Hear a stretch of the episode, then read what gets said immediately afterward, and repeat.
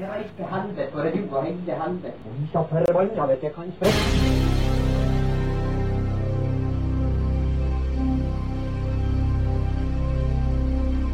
Satan og helvete og idioter.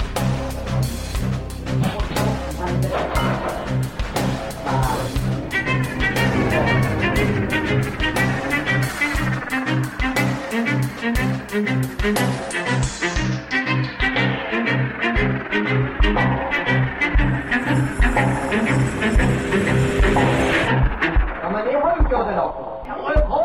faen er. Martin når vi prater. Ja, det kom òg med. Å ja! Du, eh, du avslørte oss. eh, At vi faktisk er gift. Ja, ikke sant? Ja, eh, velkommen til en ny episode. Det her begynner å bli, eh, begynner å bli en vane nå, å kjøre de her introene og hele oppsettet og, og greier. Eh, ja, Alex, det har vært mye som har skjedd egentlig den siste uka. Ja, det har det. Um, og så har jeg jo vært så heldig og fått enda en skjeggete kjekkas med oss i dag. Mhm. Men uh, Jon Erik, jeg må faktisk innlede med å si at uh, jeg syns jo du er en av mine favorittfolk jeg har møtt opp igjennom. Oi, hva i faen, Alex? Ja. Hva skjedde, liksom? Ja, ja. Martin, jeg visste ikke at han skulle se deg. Altså. Men, det, men det er tilfellet. Altså, du, du er en ekstremt herlig fyr. Uh, og det, uh, som da tilflytteren her, så er det alltid kult. Og jeg husker jo når vi først ble kjent, og du, du er jo en, en spennende, spennende, spennende kar. men du uh, Nei, men du, du, du er en bra mann. Du er det. Med masse, masse ikke så skjulte talenter. Du er egentlig ganske straight forward på alt det du driver med. Det er faktisk ganske lite skjult. Det er, det, jeg tror de fleste vet hvem du er innenfor både kultur og noe næringsliv òg, kanskje. Kanskje. Ja, jeg tror det, altså. Det må du nesten spørre andre om. Er du, er du, blitt, eh, er du blitt kapitalist? Eh, nei, jeg er jo sosialdemokrat, men eh, Eller sosialist, om du vil, kanskje. Ja. Uh, men det er klart, i en kapitalistisk verden så må man jo uh, tilpasse seg. tilpasse seg og følge de reglene som uh, The Powers That Be har uh, laga til oss. Ja, ja. Så Nei, men jeg, jeg er enig i det. Men nå snakker vi som om alle kjenner deg, men det er jo ikke alle som gjør som kanskje, egentlig. Det er jo sånne her spørsmål vi, vi, vi var i eh, vi hadde en artikkel i, i Rana nå i dag, eh, og der snakka vi høyt og lavt om at eh, ja, det skulle ikke være intervju, og det er liksom ikke en intervjusituasjon her. Men vi er jo nødt til å spørre hvem er du egentlig, liksom. må jeg definere meg sjøl liksom, som, menneske? Eller? Jeg tenker litt mer sånn på bare kjapt om bakgrunnen din. Bakgrunnen min. Uh, ok, jeg, uh, jeg blir 40 år i år, i november. Uh, så jeg har gått på planeten i 39 og et halvt år, omtrent. Mm. Eh, jeg er født på Selfors, og jeg er oppvokst i Rana. Jeg har bodd her nesten hele livet. Jeg har bodd i Trondheim en liten stund. Eh, jeg har to statsborgerskap. Mora mi er fra USA, OK. så eh, jeg er vant til å ha somre der som barn. da. Å ja, hvordan? da? Eh, I New Jersey, men Ja. de fleste som er i slekt med meg, bor egentlig i Chicago-området. Ja, Men, riktig. eh, jeg har ikke vært der siden jeg var sånn bitte liten. Nei, ok, kult. Eh, fikk tidlig interesse for musikk. Mm. Eh, begynte å tulle med gitaren i jeg vet ikke, åtte-niårsalderen. Uh, det ble mer og mer seriøst når jeg kom i puberteten. Eh, dårlig verktøy for å trekke dame, egentlig. Men Hæ? ja, faktisk. Nei! Ja. Det er jo det ultimate verktøyet, Ja, har jeg ja. hørt. Ja, da har jeg gjort det på feil måte, i hvert fall. Eh, Feil sjanger. Jeg, jeg skulle, skulle til å se det, Hvis du har revet i gang noe sånn death metal liksom, på vorspiel, så skjønner jeg at det kanskje ikke funka. Ja, jeg har aldri vært en sånn vorspiel- eller nachspiel-gitarist. På nachspiel i hvert fall, da har det ikke funka. Jeg hadde, jeg hadde en kompis som var helt rå på det der, for han, han spilte alltid uh, Pearl Jam til liksom damene. Bare Jeremy, bare så de inn i øynene og kjørte på. Men, eh, Da har jo til og var med jeg smelta, tror jeg. ja. Ja, men jeg gikk faktisk på videregående med en sånn Ja. eh, en, en fyr som hadde talentet til å faktisk synge som han Eddie Vedder òg. Oh, ja. så han brukte å gjøre det, og vi var litt sånn sjalu på at han kunne gjøre det, da, mens Mm. vi sto der og spilte Maiden og Metallica og. Rage Against the Machine og sånt. Uh, ja, uansett, så jeg uh, begynte å drive med musikk i, uh, i ungdomstida. Så eh, hadde jeg tenkt å gå musikklinja og bli musiker, men eh, så endte jeg opp med å gå dramalinja her på Mjøland. Okay. Så jeg gjorde det en stund, eller jeg gjorde jo hele løpet da, og jobba litt som skuespiller og tekniker på Norden Teater. Etter det um, jobba i bar. Eh, jeg har jobba på Vinmonopolet i 13 år. Ja. Uh, hadde diverse andre jobber som oversetter, uh, teksta serier, filmer. Eh, det er sånn sidegigger, da, kan du si. Ja, ja, ja. Eh, parallelt med å jobbe deltid på polet og ta lærerutdanning og sånt. Eh, så når jeg skulle bli pappa, da, som ikke er kjempelenge siden, hun er to og et halvt, Ja. så fant jeg ut at nå må jeg skifte jobb. Ja. og få en litt mer sånn barnehagekompatibel eh, arbeidstid. Ja. Og da eh, ble jeg lærer, da. Men du har jo eh, du, du, du er jo rocker. Altså vaskeekte rocker. Du er jo, eh, du er jo kjent rocker. Ja, er, er, du rock, er du rocker, eller defineres det som noe annet? Er det, for det er jo, det er jo tung metal, liksom. Altså, Dere må jo kalle meg hva dere vil. Jeg syns bare at jeg er musikkinteressert. For jeg hører faktisk på ganske mye annet enn bare metal òg. Ja. Jo, men bandet ditt ja, det er metal. Ja, ikke sant? Ja, Det ja. er fordi at det, det er der du er kjent for, ikke vel? Det er jo uh, Allfather, eller Allfader. Allfather eller Allfather eller Allfader eller uh, All the Faders. Men ja, fordi at det, det er jo Der har det jo faktisk slått igjennom internasjonalt. Altså slått igjennom og slått igjennom, det, det er jo Alt er jo relativt, men dere har Dere har jo fans all over the world. Ja, det er litt som hvis, du, hvis at verden er ei brødskive, Ja. så det er bare bitte lite grann igjen i bremyktpakken. Ja. Ikke sant? Så drar du kniven over, og så er det en klump der. Du begynner i Norge, sant? det ble det mest. Og så er det bare litt sånn her og der på Ja. resten av skiva. Uh, for ja, vi har fans over hele verden, men de er ikke veldig mange. Nei, men altså, hvis du har Hvis jeg samla alle på én plass, så kunne vi sikkert ha en ganske fet konsert. Ja, ja, nettopp. Ja, men du må jo ha, altså eh, For uh, Allfader er jo Altså, jeg har jo vært på eh, Spotify og sett det og hørt, og, og dere har jo en del altså, avspillinger, og, og det er jo Spotify som er en relativt ny plattform òg, i forhold til hvor lenge dere har holdt på, sannsynligvis. Så, Ja. hvor, har du, hvor har du holdt konserter hen i verden? For det har du òg gjort. Du har jo ikke bare spilt på uh, obskure eh, plasser i Norge. Uh, nei, Uh, det vil si Allfader har bare spilt én konsert utenfor Norge, og det Ja. var i Nederland, på en uh, festival. En liten festival, innendørsgreie med jeg vet ikke, 400 Ja. eller noe sånt. Eh, men jeg har vært på to europaturneer med andre band, OK, ja, riktig. og, eh, og det har jo vært veldig lærerikt Ja. og artig. Og, uh, med litt sånn større artister Ja. som, som headline, da, og så har vi vært påheng. Ja, ja, ja. Oppvarming, eller hva du skal kalle det. Men hvilken type sjanger er dette her? Allfader Ja. er Ja, det er jo metal, Ja. og innenfor deg så har du jo så mange undersjangre. Nettopp. Eh, og jeg vil ikke liksom pigeonhole meg for hardt, fordi at uh, For det vil jeg ikke. Nei. Men uh, jeg hører mye på black metal, og jeg Ja. hører mye på death metal, og jeg hører mye på klassisk heavy metal. Uh, og det er litt prog, så det blir litt sånn Nickelback. blanding av det, da. Men, men Lite Nickelback. Nickelback er konge. Du, hvordan, hvordan ble dere om på å si, huka inn til Nederland? Hvordan Bare randomly, liksom? Ja, på en måte. Altså, metal-miljøet i verden er ganske lite. Jo. Så når vi ga ut eh, jeg husker ikke første eller andre albumet, så var det en fyr på, eh, fra en nederlandsk webside som gjorde et sånn her e-postintervju. Okay. Det, er ganske vanlig. Du får en masse spørsmål, og så bare sender du inn svarene. Ja. og så blir det trykt på, på nettet. Ehm, og så eh, På den første europaturneen jeg var på, så var han tilfeldigvis the merch guy. Ja. Han, var, han okay. solgte T-skjorte på den turen. Ja. Og, eh, og det var en ting han liksom brukte å gjøre Ja. for, for band. Og så eh, eh, Noen år senere så starta han en festival, og da han syntes jo vi var bra, da. Kult. Så Det er jo tøft at han husker dere så lang tid etterpå. Liksom. Det, ja. Hvordan, eh, for selv om som du sier, miljøet er ganske lite, så er jo likevel norsk metal ganske anerkjent. Ja, det, det var jo det. Det- OK. ok. Nei da, det er det, det, er det jo ennå. Ja. Um, Men uh, var det på storhetstida når uh, Jeg husker ikke hva han heter, selvfølgelig.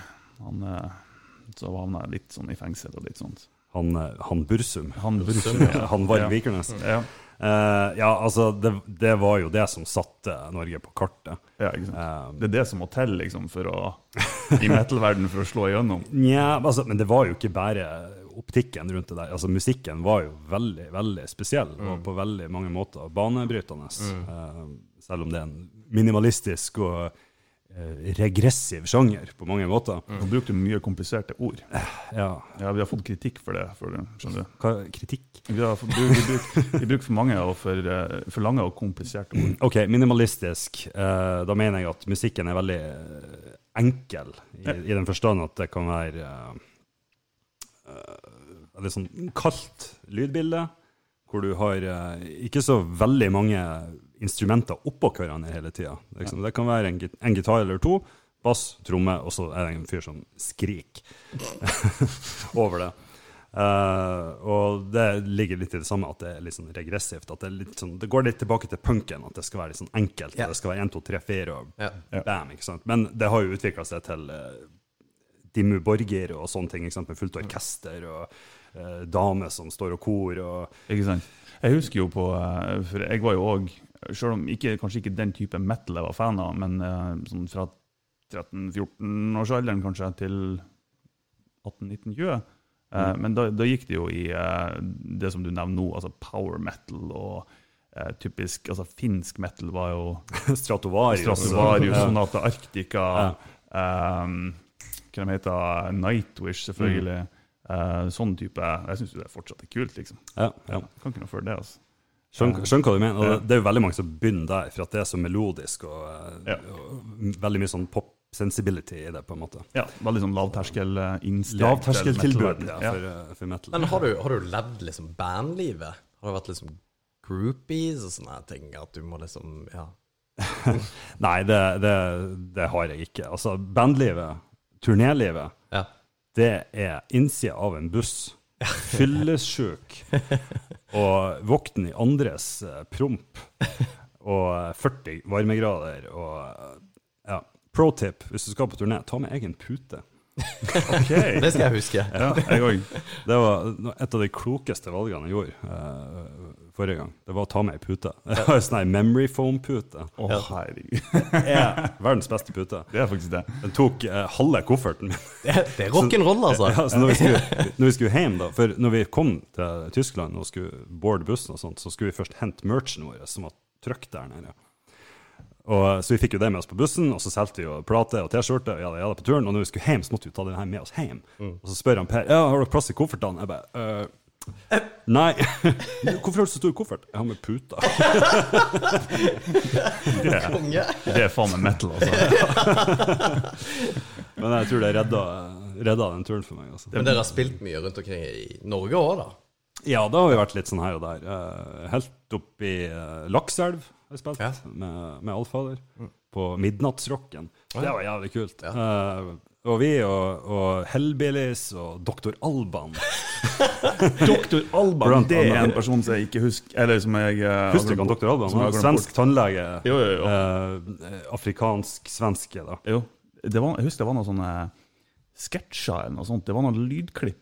Ja, det Eh, var en, det var en parodifyr. det var en svenske som, som, eh, på radio som drev og tullerengt Det var og ja. lata som var han Dr. Alban. Det var sånn det og, ja. og prøvde å få ting. Ja. ja, Alban. Ja. Men Men det var- faen, jeg er Dr. Alban. ja, Men, men det var etter doktor Alban-musikken. Ja, ja. Ja, ja. Eh, ja. Han, han var jo stor, jeg vet ikke, på tidlig 90, Ja. eller noe sånt. Og så holder han jo på ennå og drar på sånn her Second Wheel of the 90s og sånt. Ja, Det var litt sånn, Han var stor første kvartal eh, tidlig 90-tallet. Ja. Jeg har en ganske bra historie om det. For at, jeg vet ikke om dere har vært på uh, Lakselv International Airport. Nei. Nei. Nei. Det er faktisk International Airport. Oh, ja, riktig. Um, og når vi skulle dra hjem fra festivalen, så uh, ble vi henta på hotellet og bussa bort dit.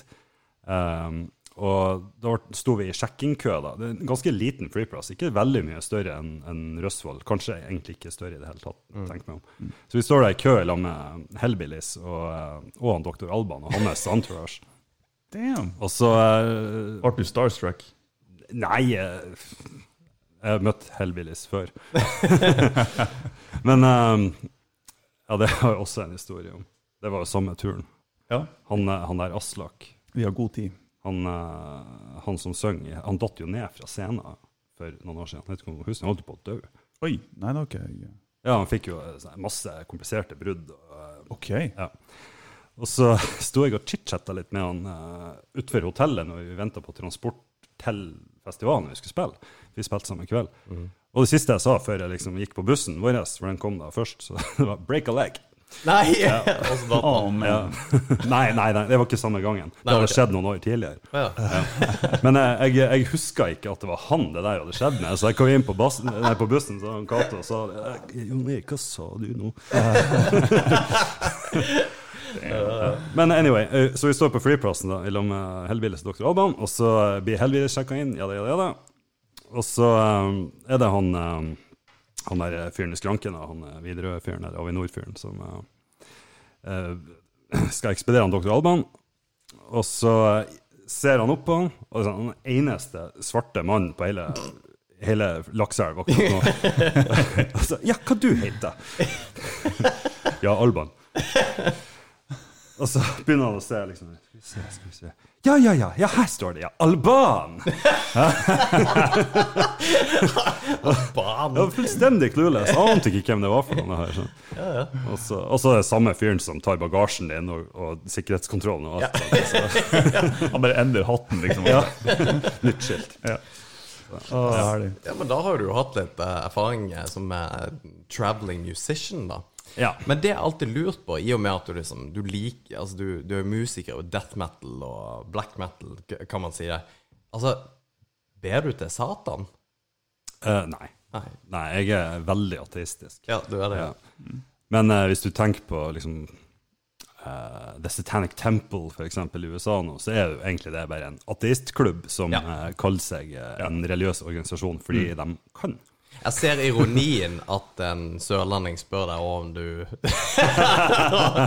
Er du satanist? Men eh, Nei, det er jo fordi at det er jo selvfølgelig Jeg, jeg tror det er en del som eh, da tenker jo sånt med en gang man hører eh, på noe som er litt hardt, da. Ja, ja. Nei, altså, jeg bare liker estetikken rundt det, rett og slett. Det er som å se på skrekkfilm. Ja, Altså, det det er litt skummelt. Det er litt kult, liksom. ja, ja, ja, ja riktig. Ja. Det er mørkt, og det Jeg har aldri drevet med liksom liksminke og det der greiene som de ordentlige Jeg har ikke jeg sett det på scenen engang med sånn sminke på? Uh, Ikke sånn sminke Nei, på det Det, var en annen type. Det Det var var, en en annen. fest. Nei, faen, det var, det var et nachspiel en gang. Ja. Ja. Du, eh, vi, vi, vi hadde en episode i går med, med en MMA-utøver, han Emil. Eh, og, og da snakka vi litt om sånn um, For han starta jo tidlig med MMA, og da ble det litt sånn sett ned på. og De ble liksom, ja, de måtte, han, hans ord var vel at de måtte unnskylde seg for at de holdt på med det de gjorde. Ja. Uh, er det noe som, som du har erfart i uh, Du har jo vært tidlig ute med eller metal uh, Ja. At jeg føler at jeg blir sett ned på pga. Om ikke sett ned på, men at folk har reagert på det på noe vis.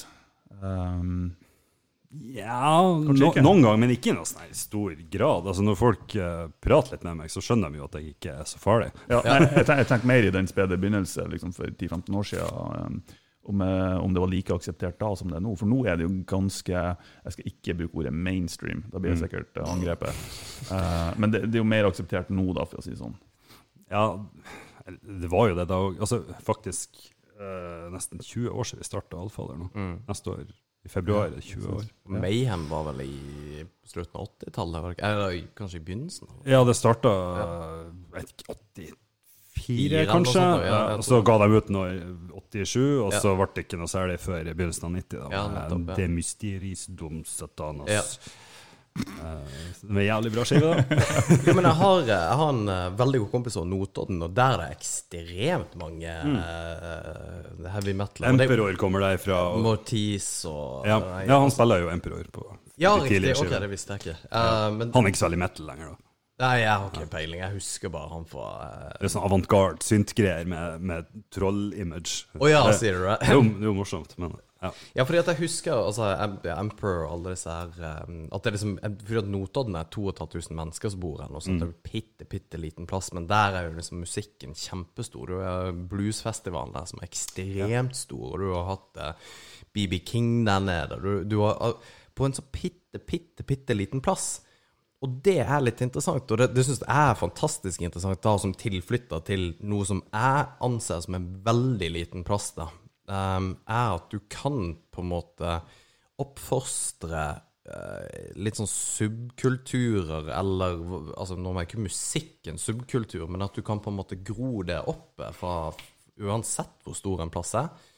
Og det, det tenker jeg, det er jo litt kult at du har hatt en uh, Altså et band som iallfall har Altså, det, det, er greit nok at dere ikke liksom har tura hele verden flere ganger, men altså, det er jo folk som hører på dere. Dere, dere lager jo et eller annet som ma mange, mange hører på, da. Ja da. Uh, nå var vi litt uheldige uh, når vi starta, på en måte. Mm. Uh, vi vi laga et band når ting begynte å bli veldig vanskelig i musikkindustrien, sant? med Napster og ja. nedlastninger. og sant, Før Spotify var en ting, før streaming var en ting. Folk kjøpte ennå CD-er uh, når vi fikk uh, den første platekontrakten vår. Og, men når vi begynte å gi ut eh, liksom nummer to og nummer tre, så eh, Folk lasta det jo ned. Ja. Så vi, vi, kom aldri eh, på en måte over den der kneika hvor du blir ordentlig lagt merke til av, av de som booker og de som Men hvordan gjør du det nå, da, som musiker? Altså, Jeg har jo for lenge siden lagt ifra meg noen sånne rockestjernedrømmer. Og... Når la du fra deg den? Når var det den Når var det du tenkte at Var det en gang hvor du tenkte at Vet du hva. Nå, nå det, Jeg går ikke for den drømmen der. Ja, men jeg kan ikke liksom si nøyaktig når det var. Jeg tror nei. det var en prosess som gikk litt over tid. At det kom ja. til en sånn realization at uh, jeg kan sikkert greie å gjøre det her, men jeg må ofre så jævlig mye, ja. og jeg må arbeide liksom veldig hardt og målrette, Jeg har ikke noe problem med å arbeide hardt og målrettet, men er det det jeg vil gjøre? Ja. Liksom? Ja. Men det var bevisst, eh, en bevisst tanke eh, fra de sida at du, du, tok et valg, liksom? Ja. ja. ja. Jeg, eh, jeg, driver jo fortsatt med musikk. Vi jobber jo med en ny plate nå, med Oldfather. Allfather. Oh, Sweet. Når tid jeg har jobba med den i noen år, da. men, men, den har aldri vært nærmere å bli ferdig. Ja, ok. Snakker vi tull, sånn at vi må vente tolv år før den kommer? Du, Forrige skive kom ut i 2011. Ja, men da begynner Så vi begynner å nærme oss litt sånn Chinese Democracy, Tool uh, Områder, liksom. Ja, ja. Kult. Så vi har jo ikke noe bølge vi rir på, liksom. Nei! Fra 2011, ja. Vi må, vi må utnytte momentet. eller Ja, ja momentet for ni år siden. Men du hadde, altså, hadde du Hadde du en tanke om at du skulle bli rockestjerne? Ja, men jeg var, når jeg var liten gutt, og, eller ja, okay, men, ungdom og sånt. Så. Hadde, ja, hadde du det i voksen alder, hvor du tenkte at faen, dette her er ikke så langt unna, jeg kan faktisk bli det. Jeg, skjønner at du på en måte så nyansen at det kunne være vanskeligere å bli, bli det, og, og hele den greia der, men man har jo alltid en drøm på en måte. Ja, altså drømmen var vel fortsatt når jeg starta Alfader. Ja. Men eh, etter en stund så innså jeg jo at i denne sjangeren her, ja. så er det liksom det er tre band som lever der. Mm. ja. så det nåløyet der er bitte, bitte, bitte, bitte lite. Og jeg skriver ikke musikk som er kjempelett å svelge for de aller fleste. Ok, hva, hva, mener du med det? Nei, altså, Jeg bryr meg ikke så kjempemye om konvensjonene i vanlig låtskriving og, og, og sette meg ned og studere så veldig mye hva andre driver med. For du kan skrive veldig uh, formulaiske låter. Ikke sant? At, at du, vers, ja. refreng, vers, refreng, mellomparti, refreng, refreng, ferdig. Ja, ikke sant. Du, altså, du, du kan komme ut eh, annet eller tredje hvert år med noe sånn spansk eh, teknofestgreie, så, så, så ja, det... jo en hit uansett. ikke sant? Det, og det skjønner jeg at du, heller vil på en måte gjøre det som du har lyst til å gjøre, da. Ja. Uh, men, uh, men, det betyr jo altså at hvis det er 1000 stykk der ute som har jævlig lyst til å høre på Jon Erik og, og hans låter, så må jo det nesten egentlig være nok. Jeg prøver å dytte deg inn i retning av birockestjerne. Ja, altså, ja, ja, um, altså, det er jo hyggelig at folk har lyst til å høre på det, det vi driver med, men uh, det i seg sjøl er ikke et mål, bortsett fra at jeg setter pris på at folk kommer på konserter. Uh, for jeg syns det er veldig artig å spille live. Og, uh, og den, den, festen som hører med det, liksom. Og, og, og, reise rundt og feppe festivaler og se ting og treffe folk. Det, den delen av rockelivet er liksom Den er fin. Ja. Men så er det ganske mye kjedelig òg. men, men, så lenge du har puta med? Så lenge jeg putter med, så går det bra. Ja. Så er det mye du greier å takle. Du, eh, du, i hvert fall når vi var i, eh, på den lanseringa deres på eh, AS Norsk Jernverk, jernverk Jærverk, Ja. eh, så spilte du gitar i evig. Gjorde du ikke? Mm, nei. Jo. Nei, det, fordi at du du sa det til meg, og jeg sa nei, det gjorde han Hvor ikke. faen har jeg fått det ifra? Du, du drakk nok Var du der? litt for mye av det der. Du, eh, jeg var faktisk ædru da, så det sier litt om min tilstand i normal. Ja. okay. Det kan hende du, du blander med Var du på den første konserten han Kristian gjorde alene på Kulturhuset? Ja. Ja, for da var jeg gitarteknikeren hans, og da var jeg på scenen noen ganger. Ah, Ja, for det var samme scene? Ja. ja. Så jeg, jeg tror du bare- at det der, ja. Ja, hvis du har drukket litt øl begge kveldene, så ja. Vi, vi sier jeg har det. Det, det er unnskyldninga. memory lapse. Ja. Ja. Men du hadde Men eh, tilbake til Altså, du hadde en greie hvor du på en måte Dette her ville liksom ikke Eller at du, du på en måte innser at du ikke kan på en måte bli uh, Ja. Altså, jeg, jeg kunne sikkert ha, ha blitt eh, en profesjonell musiker hvis jeg hadde gidda å jobbe for det, men da hadde jeg kanskje måttet jobbe en sjanger jeg ikke hadde vært så glad i. Ja. Og da hadde det vært altså, just som hvordan som helst annen jobb. Ja, ikke sant? Så Ja.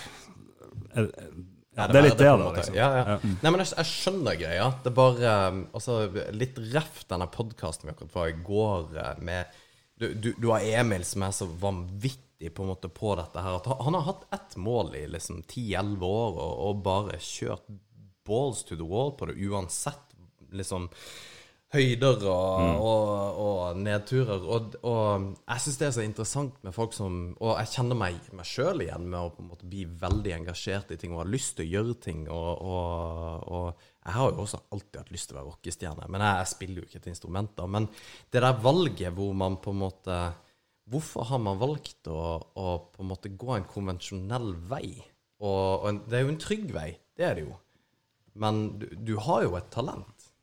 Um, og et, et godt talent, på en måte. Det er jo, det er jo mange som har det, for så vidt. Så. Ja, altså det- jeg vet, jeg vet ikke helt hva talent egentlig er, Nei. Uh, så jeg er ikke helt sikker på om jeg har det. nei, nei, nei, for så vidt. Jeg bare, jeg bare liker musikk og liker å, å holde på med det, liksom. Så, ja, jeg er litt usikker på hva, hva du spør om. Eller nei, nei, nei, nei bare, bare når du på en måte fant ut at dette Du tar eh, du, du har tatt et aktivt valg. for Ja, det, det var en avveining, kan du ja. si. Av, for jeg er veldig glad i å være hjemme òg. Ja. Altså. Jeg, jeg er glad i, Mannen! jeg, er, jeg er ikke en sånn loner, akkurat, men, eh, men jeg har ingen problem med å være i mitt eget selskap. Nei, liksom, og, og holde på med mitt. Og Sitte og spille gitar, lage musikk, eh, skrive, lese, spille PlayStation. Ja. Og hvor, hva var det som fikk deg til å da starte bryggeriet? For det er, det er mange som brygger Det er jo ekstremt mange som brygger øl, som det er ekstremt mange gitarister.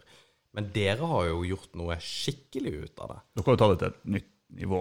Eh, ja, i hvert fall her i, i byen.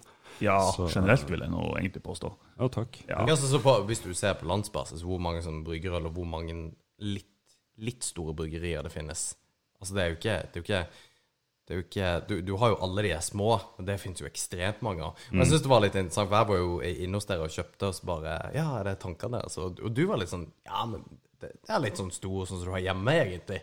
Og det er ikke det. Den er gigantisk. Jeg skjønner teknikken, men altså, det, det, er jo ganske simpelt. Altså, prosessen er jo den samme, enten du holder på hjemme eller på en litt større skala. Ja. Så eh, Men du, du har liksom eget Du, du har eget ølbryggerom og altså det, det, det, det er et opplegg, da. Det er tre-fire stykk som jobber der, og Ja, vi er tre, Ja. og vi eh, ja, Skal jeg begynne på begynnelsen her òg, kanskje? Um, da jeg jobba på Vinmonopolet, så um, hadde vi ganske lite øl i hyllene. Og det var nesten ingen som var kjøpt av dem. Og så uh, skjedde det noe sånn begynnelsen av eh, jeg ikke, 2005-2006. Det begynte å liksom gå litt mer. Eh, jeg var fortsatt ikke helt sånn bevisst hva det var som skjedde. Eh, og så tok jeg meg en USA-tur sammen med eh, faren min og broren min, og så smakte jeg en øl der som heter Anchor Steam. Eh, som ikke er en sånn her utrolig spesiell sak, egentlig, men veldig godt laga øl eh, fra San Francisco. Eh, og så er det jo noe med at når du er i San Francisco og du drikker øl derifra, og sånt, så er det liksom mm, Det her var faktisk jævlig godt. Oi, oi, oi. Og da hadde jeg ikke vært så kresen for på hva jeg putta i meg. Eh, men den liksom satte i gang et eller annet der. At jeg, jeg må prøve litt mer yeah. øl. ikke sant? Uh, for når du jobber på Vinmonopolet, så får du jo prøvd veldig mye. Men da var det nesten bare vin vi, vi smakte på. ja. Og så begynte jeg å få en interesse for det her, begynte å kjøpe litt, smake litt. Når jeg begynte å, eh, å studere eh, på lærerskolen på Nesna, så en av lærerne, to av lærerne faktisk, som var hjemmebryggere. Så dem eh, for jeg på besøk til og brygga i lag med dem, fikk eh, lært masse. Jeg kjøpte meg eget eh, utstyr hjemme. Begynte å kokkelere og styre, og eksperimentere og teste. og Bare brygga, liksom. Mm. Og eh, så er det sånn når du jobber på Vinmonopolet, så har du ikke lov til å eie aksjer engang i et selskap som produserer alkohol, for du skal være okay. 100% Ja. Sant? Leverandørnøytral, og ikke Ja, sånn push sånn dine produkter, eller din kompis sine produkter. Sant? Eh, ja, og det, det makes sense, liksom, Ja. i Polet sin uh, setting. Uh, men det gjorde jo at jeg ikke kunne egentlig gjøre noe når, jeg, når det var jobben min. Og så tenkte jeg hele tida at faen, noen kommer til å starte bryggeri snart. Det er bare et spørsmål om tid før noen gjør det. Og så skjedde det jo aldri. det var ingen som gjorde det. Mm. Og så Og det, det her var hvor lenge siden? Cirka? Eh, nei, jeg slutta i Vinmonopolet i 2017. Ja. Og eh, da begynte jeg som lærer. Skolestart høsten der, da. Og så var det vel ikke før i ja, februar i fjor, eh, 21. februar 2019, så stifta vi AS Norsk Jærverk med Mm. Jan Thomas og Morten. Som er et fantastisk navn. Ja. Jeg digger det navnet, Mm. og Det jeg digger den logoen dere har. Ja, utrolig ja. Jeg skulle ønske eh, jeg kunne ta kred for alt det der, men det kan jeg ikke. det er han eh, Daniel Nystad som har kommet på navnet. Han, han brukte det som navn på sine hjemmebrygg. Ah, Ja, ok. Og når jeg og Thomas og Morten hadde første møte, liksom, at ja, nå må vi finne ut hva skal vi kalle det her bryggeriet vårt, Mm. så, sa jeg bare «Nei, det er egentlig bare ett navn jeg syns er bra, men det er på en måte tatt. Og så sa jeg det, og så ble det bare sånn stille og bare Ja, det er et jævlig bra navn. Ja. Jeg ringer han Daniel, sier han Thomas. så ringte han Daniel, og han uh, ga oss grønt lys. Tut og kjør. Det er kult. Ja, det er kult. Så har vi ja. prøvd å basere uh, estetikken og det der rundt uh, Industriparken og, og Jernverket og de tingene der. Og det Ja. hun, hun Mette, Mette-Marit Breivik Ulriksen, som er designeren vår, som har uh, laga det. Da. Og det er sam, nesten samme fonten som det var over den gamle jernverksporten. Okay. Så det er litt sånne throwbacks. Så. Ja, Ja, ja, Det, er, det er gjennomtenkt. Liksom. ja, Ja. vi prøver. Du, eh, litt tilbake. Hvor, hvor seriøs ble du på en måte før AS Norsk Gjærverk ble etablert? Hvor, for da, da holdt du på hjemme, sånn som jeg skjønner? Eh, I ja. stor grad. ja, seriøs. Altså, det var jo bare til eget Jo, jo. konsum. Men jeg mener jo Jeg mener jo husk at eh, du kjøpte jo inn en del utstyr. Og, for jeg, jeg husker den perioden der Jeg husker ikke hvordan jeg husker det, eller hvorfor jeg husker det. Men eh, jeg mener bare at du, du investerte i en del utstyr. Ja. Eh, så jeg tenker liksom, hvor, hvor seriøst ble det før AS Norsk Jærverk ble etablert? Eh, altså, jeg kjøpte jo Altså, jeg begynte med en stor kasserolle. Ja, ikke sant? Og, og sånn hermetisert maltekstrakt. Uh, det funker, det. Du kan lage øl på det, liksom. Men uh, jeg ville liksom ha eh, utstyret så jeg kunne gjøre det ordentlig. All grain-brygging, som det heter, hvor du har malt som du kverner og knuser, og du kan sette i hop forskjellige typer av det. og Mikse og match og blande og prøve seg frem. Så da kjøpte jeg en uh, Speidel Braumeister, som det heter. Tysk kvalitetsstål. ja. Og eh, like det, det er noe av det, Ja! det greieste du kan kjøpe ja. for hjemmebryggebruk. da. Ja. Så, og den, den har vi ennå. Jeg, jeg har en 20 liter, og Thomas har en 50 liter. Og begge står på Jernverket. Og vi, vi bruker dem til sånn pilotbatcher. Og Ja, riktig. vi skal teste ut noe i mindre skala enn 500 liter. liksom. Jo, jo. Blir det mye øldrikking i løpet av uka?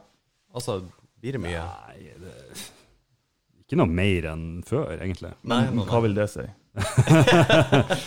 Nei, eh, det, altså drikking og drikking. Noen ganger så åpner jeg jo ei flaske, og så drikker jeg tre slurker, og så tømmer jeg det ut, for at jeg måtte bare Ja. prøve den. ikke sant? Eh, Ble den her sånn som jeg hadde tenkt. Og eh, har den holdt seg de her tre ukene siden den ble brygga, og sånne ting. ikke sant? Du må kjøre en liten prosess på det. Så, men nei da, jeg er som de fleste nordmenn, at det er nå i helgen jeg konsumerer mest. De, de lokalene som dere har nå Mm. eh, eh, Jeg har jo òg vært på innom. Eh, dere, dere har jo litt planer for dem. Eh, ikke kun ølbrygging, liksom. Det, ja, dere, dere tenkte litt langsiktig og litt fremover og, og gjøre noe mer ut av det. Kan du fortelle litt om det? Ja, eh, det, det er jo tre ting vi, vi ønsker å gjøre der, og nå har vi fått til to av tre. Det første var å ha en plass å brygge. Eh, det i seg sjøl var en lang prosess, å finne rett lokale. Um, så vi har vært og kikka ganske mange plasser. Men jeg er veldig glad for at vi fikk den her som er forholdsvis sentrumnær og, og og litt avsides. Det, det gjør ikke noe. Um, så der har vi uh, fabrikken vår, da, om du vil. Og så fikk vi uh, salgsbevilling fra kommunen for, ja, rett før påske. Så det betyr at vi har lov til å selge øl som eh, også kan selges i butikker rundt omkring. Ja, så vi, vi finnes jo allerede på eh, de fleste Coop-butikkene og, og bunnprisene rundt omkring her. Eh, men vi kan selge de samme varene fra våre lokaler nå, innenfor et avgrenset område, Mm. som er definert som salgsområde. For det, det er jævlig strenge regler på det. Ja, ja. Ja, det er sånn Ifra den linja her har du lov å selge. ja. Ja. Ja. Så vi, vi gjør det ganske enkelt med at vi har en skranke i stedet for at vi har en butikk hvor folk går og plukker. Ja. Ikke sant? Så, så kommer folk og, og sier hva de vil ha, og så plukker vi det for dem. Så, uh, det tredje vi vil gjøre, det er å ha uh, skjenkebevilling. Uh, forskjellen på salg og skjenking er at skjenking da åpner du uh, beholderen for kunden og tømmer det i et glass og sier vær så god. Og så må han drikke det på stedet og ikke lov å ta det med seg ut. Uh, og det er jo det restauranter og puber driver med. Ja. Ja, så det er jo på en måte en slags bryggeripub vi har lyst til å få på plass. Ja. Um, hvor, hvordan den blir, det er litt tidlig å si. Eh, men vi trenger skjenkebevilling for å kunne ha eh, gjester innom som har lyst til å smake. Hvis vi har omvisninger med bedrifter eller grupper med folk. Uh, nå er jo ikke det så veldig aktuelt i disse dager, men uh, det blir jo ei tid for det òg. Ja. Du er, en, du er en ekstremt driftig type, da. Altså, du, du har jo lyst til å gjøre ting, og, og du gjør det. Uh, også, altså, du tok jo Du har vært rocker, eh, du er interessert i øl og whisky, vet jeg også, så du, du er kjempeinteressert i Og så Nei, jeg, jeg må bli lærer, så da bare går jeg lærerutdanning, og så blir jeg lærer, og så har du lyst til å ordne ditt datt. Altså, litt sånn det er kosmos som styrer det litt òg, da. Ja, ja. Altså, det er jo det var ikke så mange utdanninger å velge i. nei. eh, I nærheten. Vil jeg bli sykepleier eller bli lærer? Ja. Jeg, jeg jobba som vikar. Hvorfor måtte du være i nærheten? Um, på grunn av bandet, egentlig. Ja, Så det var bandet som styrte at du, du ville være her, Ja. og derfor en utdannelse som var i nærheten, da. Ja. Det, Hvis, du, hvis det ikke hadde holdt deg igjen, ville du ha, hva, hva ville du ha gjort da? altså, jeg var egentlig, før vi bestemte oss for å, å starte eller ei- stund før det, da, så var jeg ganske nær å skulle flytte til Oslo. Ja, riktig. Ja. Jeg har også vurdert å flytte til USA, eh, pre-Trump, da. Ja. Um, for det kan jeg jo gjøre i morgen, Ja. hvis jeg vil. ja, nettopp. Så jeg- må ikke å gjøre det i morgen? Nei, jeg kan ikke gjøre det i morgen, for det går jo kanskje ikke et fly. Nei, det er for så vidt også Ja. Ja. Men du kunne, det kunne du liksom gjort, bare plukke opp og, og stukke av? Ja, jeg har jo pass. Når jeg, når jeg lander på, eh, på en flyplass i USA og, og kommer fra Hva det heter ikke, jo, ikke immigration, men du, du går jo i annen kø når du er yeah. statsborger. Yeah, Ja, ja. Så da sier de jo 'welcome home, sir'. Ja, sier, ja, sier du det? Ja, kult. Så, Hvor, hvor i USA kunne du tenkt deg å flytte? Uh, nei eh, Portland er ganske fint. Portland. Ja, Oregon. Ja. Eh, veldig bra ølscene der. Det er litt sånn hipsterby, da, men det er noen, Det er kult, det er noen gode, gode band derfra òg. Ja. så ja, for eksempel. Eller kanskje en plass jeg aldri har vært før. ja, ikke sant? Ja. Nei, nei, det er noe ganske langt nede på lista nå å gjøre det, tror jeg. Jo, jo, jo. Ekstremt interessert i altså sånn eh, amerikansk popkultur og sånn. Syns det er kjempespennende. Og, og hvilken effekt det liksom har hatt på oss. Og, Mm. og liksom Ja, det er, det, USA syns det er utrolig spennende. En av mine favorittfilmer er jo altså Force Gump. Det høres teit ut, men det er liksom, Ja, ja, du har liksom fått hele Du får liksom hele liksom eh, Det er en opplegget. ja. den filmen der, på mange måter òg. Så ja. Nei, jeg eh, skjønner hva du mener. Men du kunne ikke um, Altså, hva hadde du gjort i USA, tror du? Hadde du blitt en musiker, eller? Nei, hvem veit. Ja. Bensinstasjon, kanskje. ja. Men er du fornøyd med å bo her? Veldig, veldig Ja. fornøyd. Ja, ja. Jeg, jeg, jeg stortrives. Det, det- er jo derfor jeg er her. Ja. Eh, hvis at uh, Hvis jeg hadde villa det, så hadde jeg jo flytta. Ja. Men jeg er jo her ennå. Og Helgeland har masse muligheter. Ja. Jeg, tolket jo litt den veien at du har tidligere spilt musikk, spilt metal, før ut på, eh, på veien og spilt konserter både i Norge og utlandet. Eh, vært bakfull, som du sier. Eh, så det du egentlig har gjort, det er at eh, dere har nå et bryggeri sjøl, Mhm. eh, der dere lager egen øl. Dere kan drikke der, dere har skjenkebevilgning, dere har eget lokale for å kunne spille musikk. Så dere egentlig, du gjør egentlig akkurat det samme, du har bare flytta alt hjem til Mo. Jeg har sentralisert Ja. hele livet mitt. Ja. Det stemmer. det. Genialt. Det er helt fantastisk. Ja. Det eneste som mangler, er at jeg må legge meg i en buss. Ja, men det, det klarer vi i orden. ja, jeg skulle si det. Det kan komme noen, kan komme noen historier her hvor du faktisk bare er nødt til å gjøre det, men det Men jeg tar med puta. Ja, så henger det har puta med.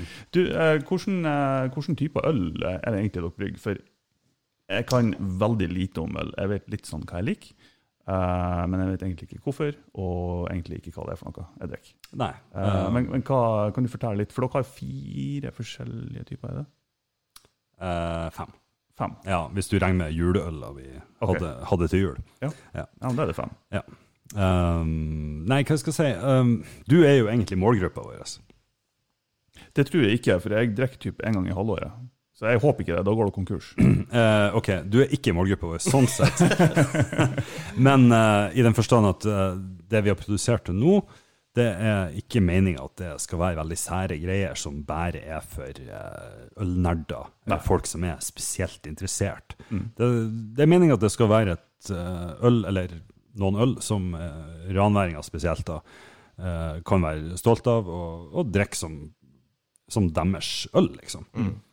I stedet for å gå og ta en eh, øl fra et eh, annet bryggeri, som mm. ikke er i, i nærheten i det hele tatt. Ja. det, det er veldig fokusert på lokal eh, på en måte tilhørighet, da. Altså ranværinger. Ja, i hvert fall den uh, havmannen som vi har. Ja. Uh, der er jo etiketten eh, Du ser jo uh, terminalkaia, og, Ja. og du ser nesten selve havmannen òg. Han er jo bytta ut med, med noe annet. Mm. Men ja, vi, vi spiller litt på, på det, da. Det lokale der. For, for havmann, det er en pilsner. nei. Det er ikke en pilsner. Nei. Har dere en annen pilsner? Uh, Alex, hvis du ser i den posen der, Oi, oi, oi, oi, oi.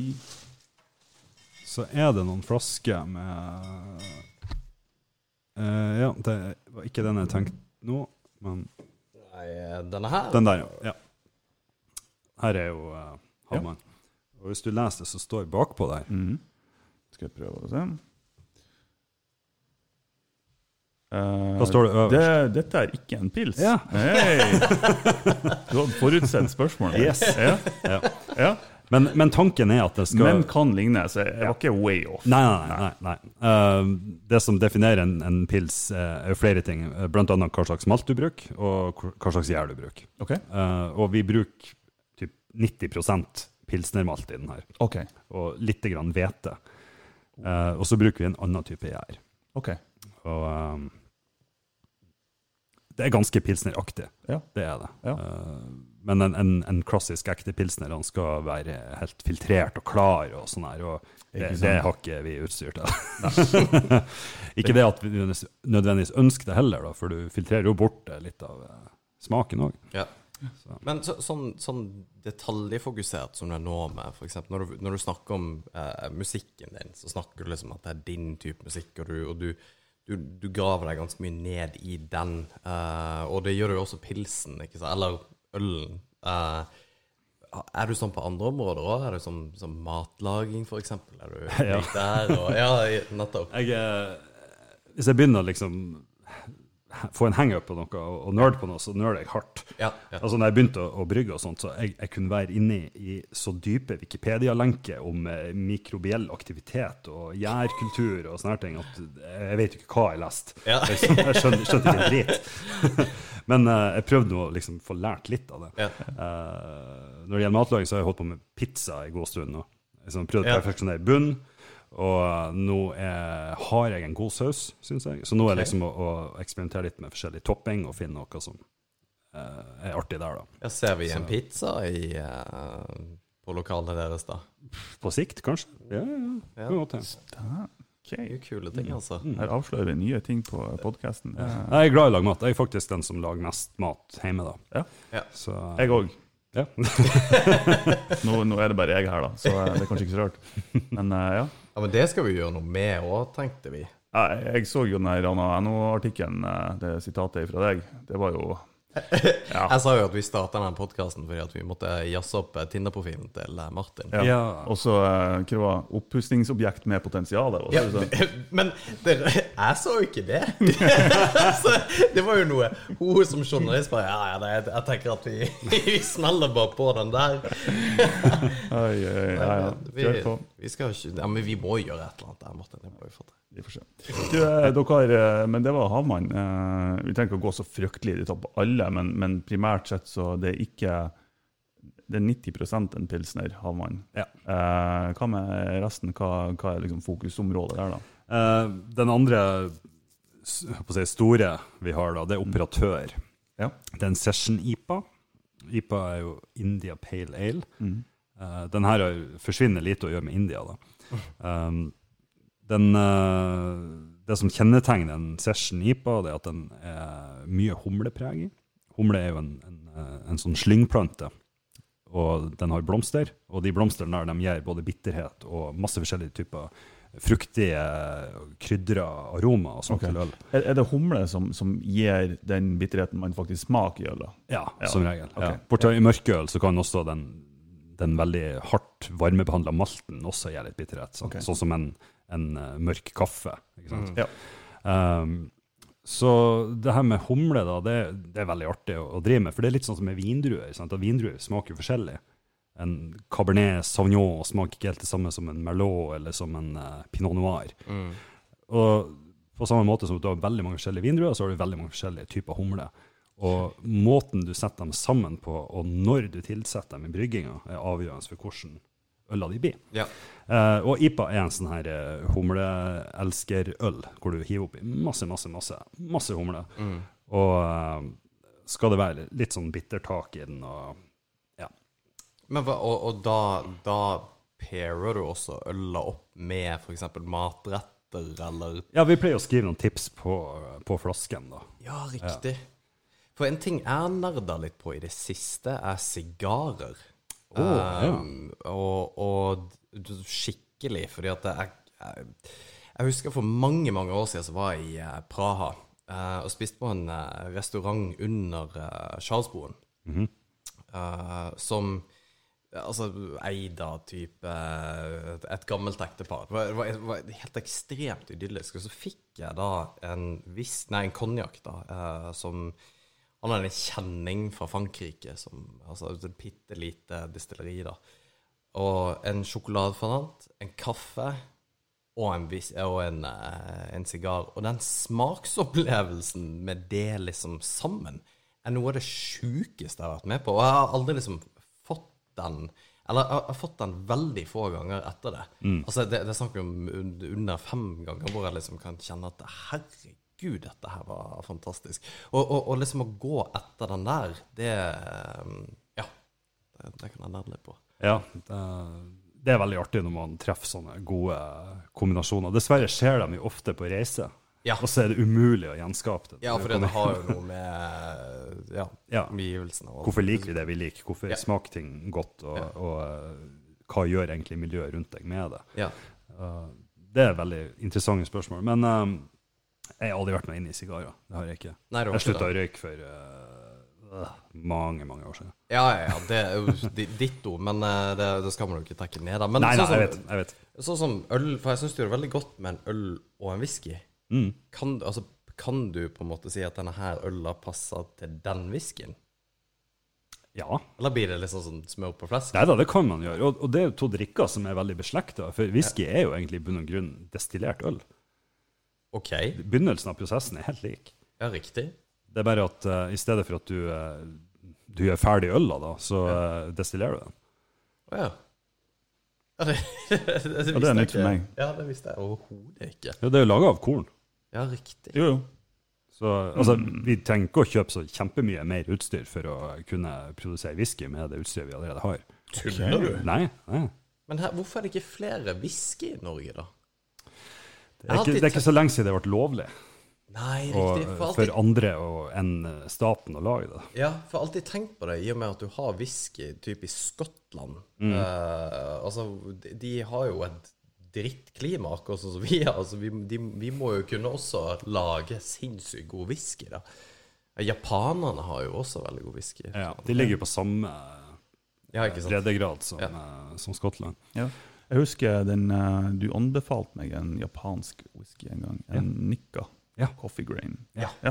Det er faktisk fortsatt min favorittwhisky. Mm. Eller en av mine. Eh, Jeg har en til som er John Walker Black.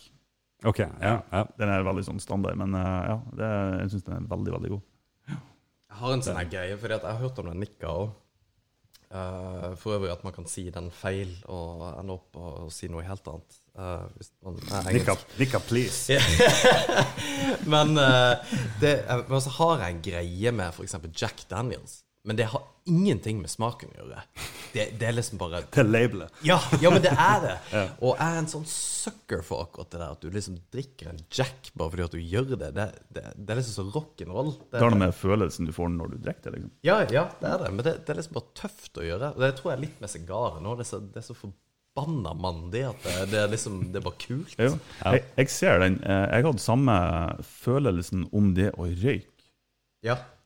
Bare, jeg hadde en periode der jeg, jeg har aldri røyka noe som helst, holdt på å si, og så jeg bare tenker at det det ser jo litt kult ut, liksom. ja. Så, ja, ja. ja, Jo, men det, det, det gjør jo det. ja. Altså bare, du liksom, bare tenninger òg. Altså, du, du, må, du må jo perfeksjonere tenninger, da, selvfølgelig. Men, Men, men jeg tror jo at, at uh, det er en helhet her som må på plass. Jeg tror ikke at en sigarett kan redde deg hvis du, hvis du ser helt nedsylta ut. Eller, det er Jon Erik prøver å si her, Martin. det var et oppussingsobjekt. så- OK, jeg får skru den på sånn to do-list. Nei, men, det, men, men det er et eller annet med altså, i, i forhold til det liksom, å, li, å drikke et eller annet og spise et eller annet. Altså, hva det nå er for noe. Det er en setting og hva du gjør det i òg, syns jeg det som er veldig, eh, på en måte litt viktig. Um, du drikker jo ikke champagne bare fordi at eh, Eller det er jo mange som gjør det, da. Men altså at du bare setter deg ned og tar et glass champagne, det er jo fordi at du feirer et eller annet, eller at det er litt sånn et eller annet, da. Um, og det er jo ikke nødvendigvis at Det å ta en øl òg gjør du veldig ofte på en måte for å wind down. Med mindre du liksom belmer, da, selvfølgelig, men det er en annen setting igjen. Og det har jo, da kan du drukke hva som helst. Men der er jeg helt enig med deg at uh, altså, settingen har utrolig mye å si. Uh, for jeg hadde en periode jeg håper, å si, jeg hadde en periode der jeg drakk mye. Det, høres litt feil ut. Eh, det, det er vel heller mer det at jeg drikker veldig lite nå. Men når jeg da når jeg drakk, så var det en whisky, og da fikk jeg den følelsen av å den wind down. Ja. Ja. Så det, det var liksom Jeg føler at hodet kom i en modus når jeg tok opp whiskyglasset. Jeg, bare, jeg, jeg har nesten ikke trengt å drikke det engang. Men Du bare nok med aromaen. Og, Ja.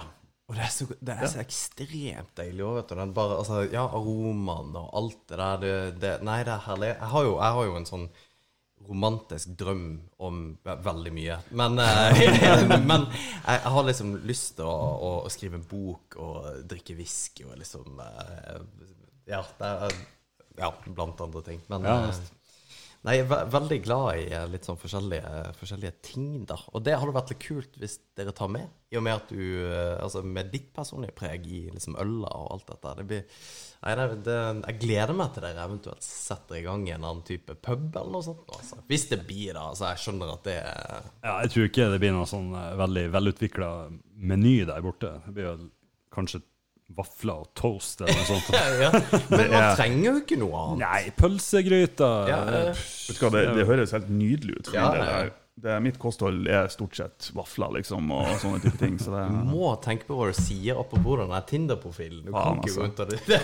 det Pølse i vafler.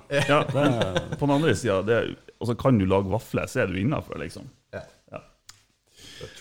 Bra. Men eh, du har ikke noen planer eller Vi sier du, men det er jo ikke bare du, det er jo flere. Ja, det, ikke- herregud. Jeg, og du, jeg, Takk du- for alle de fine tingene du sier om meg, men jeg, jeg har jo ikke greid noen av de tingene her uten eh, de andre som er med på det. Men det, det er du som er her nå, det er derfor vi sier Ja, ja.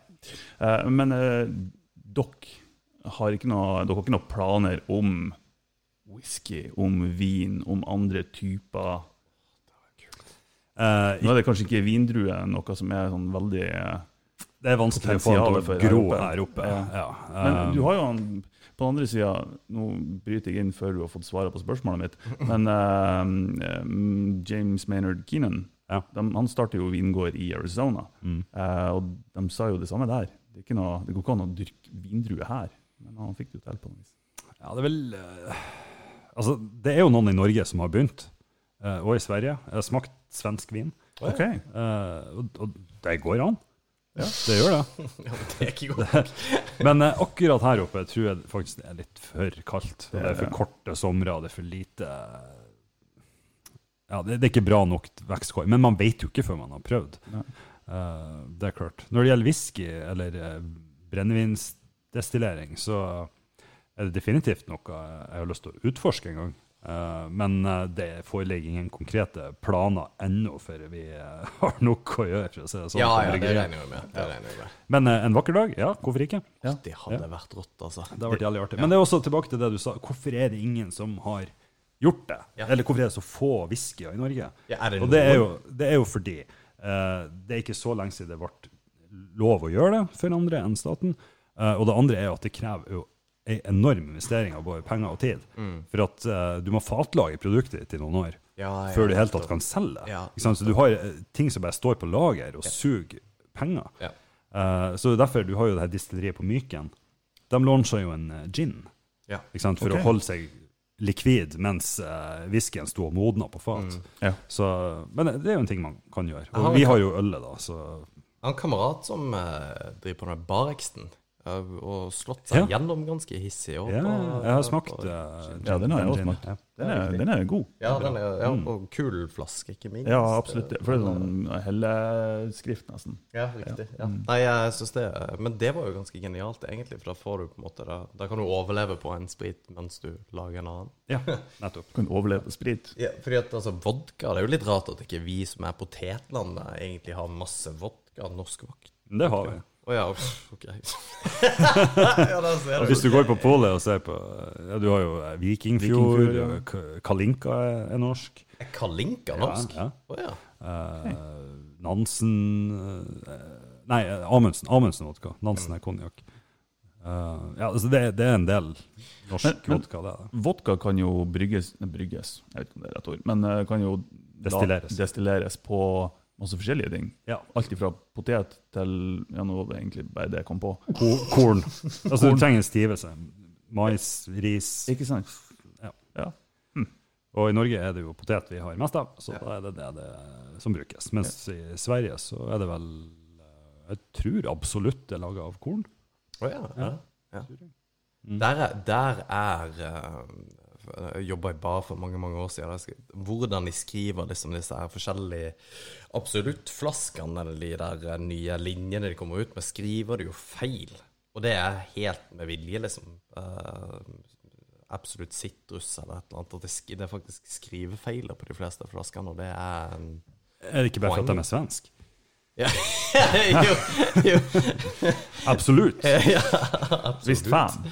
Men, uh, Men er det fordi de ikke har Det kan ikke være noe markedsføringsgreie at de ikke har lov å skrive det, for da må det faktisk produktet inneholde Nei, Jeg, jeg har ikke peiling. Men eh, det, det er en sånn gjenkjenningsgreie, eller at folk liksom snakker om at det er skrevet på den måten. Ja, okay. jeg, jeg har Jeg vet ikke. Jeg har den mest metal absoluttflaska hjemme. Okay. Det, det er ei vanlig absoluttflaske inni den, men utpå så er det et, et skinnetui med glidelås, og så er det nagler på hele dritten. OK! Vi er der. Ja. Det kan være metal, det kan òg være andre ting. Det kan det være. Ja. Hvor kommer egentlig det ifra? Det er det som skinner og Jo, naglegreier? det kommer ifra andre ting. Ja, ja, fordi at de, de gjør Ja, opp det, det. her, det her kan jeg faktisk litt om. Og, jeg, jeg, jeg kan ikke så mye om andre ting. Uh, Snakk om sånn gay culture uh, tidlig 80-tall her. Men uh, det er jo han Rob Halford i Judas Priest som tok denne estetikken inn i metal. Uh, han eh, kom jo ut av skapet først på 90-tallet, da. Eh, det var jo noen mistanker før det. Og hvis man ser på tidlig Judas Priest, så eh, kan man jo kløsse litt i høre og Var det ingen som skjønte det da? Eh, Sånn var det jo litt med Queen òg, da. eh, ja. Ja. ja. Eh, men eh, nei, det var han. han. Han begynte å dra inn litt sånne ting fra bikerkultur og fra homofile miljøer rundt omkring. eh, I form av skinn og lær og, og lakk og nagler og, og sånt. Så har det bare blitt en er så rart at nagler er en homoting. Er det lov å si? Jeg vet ikke hvorfor det Ja, er nå sånn. er det noe Nei. sagt, i hvert fall. Sånn. Hvis dere ser på eh, en av de første politiskolen-filmene, Ja. Blue Oyster Club ja. ja. der, Inni der så er jo folk kledd akkurat som Rob Halford. Masse folk. Og det var ingen som lukta lunta og tenkte at det her er faen meg rock'n'roll. Det er sånn vi skal gå kledd. Men det er jo samme Motley Crew. De så jo faen ikke ut. Og det var jo eh, Men herregud, der der var det ikke noe lunt å lukte Ja, heller. det, var, det var jo en, eh, en reaksjon på den her lokk og lær Ja. naglekulturen. At eh, nå skal vi se ut som stygge damer. ja. Dem og Twisted Sister og Ja. alle de her Poison og Ja. Jeg husker um, Ja, historie fra meg. Eh, jeg var på ferie i Ja, det var i LA.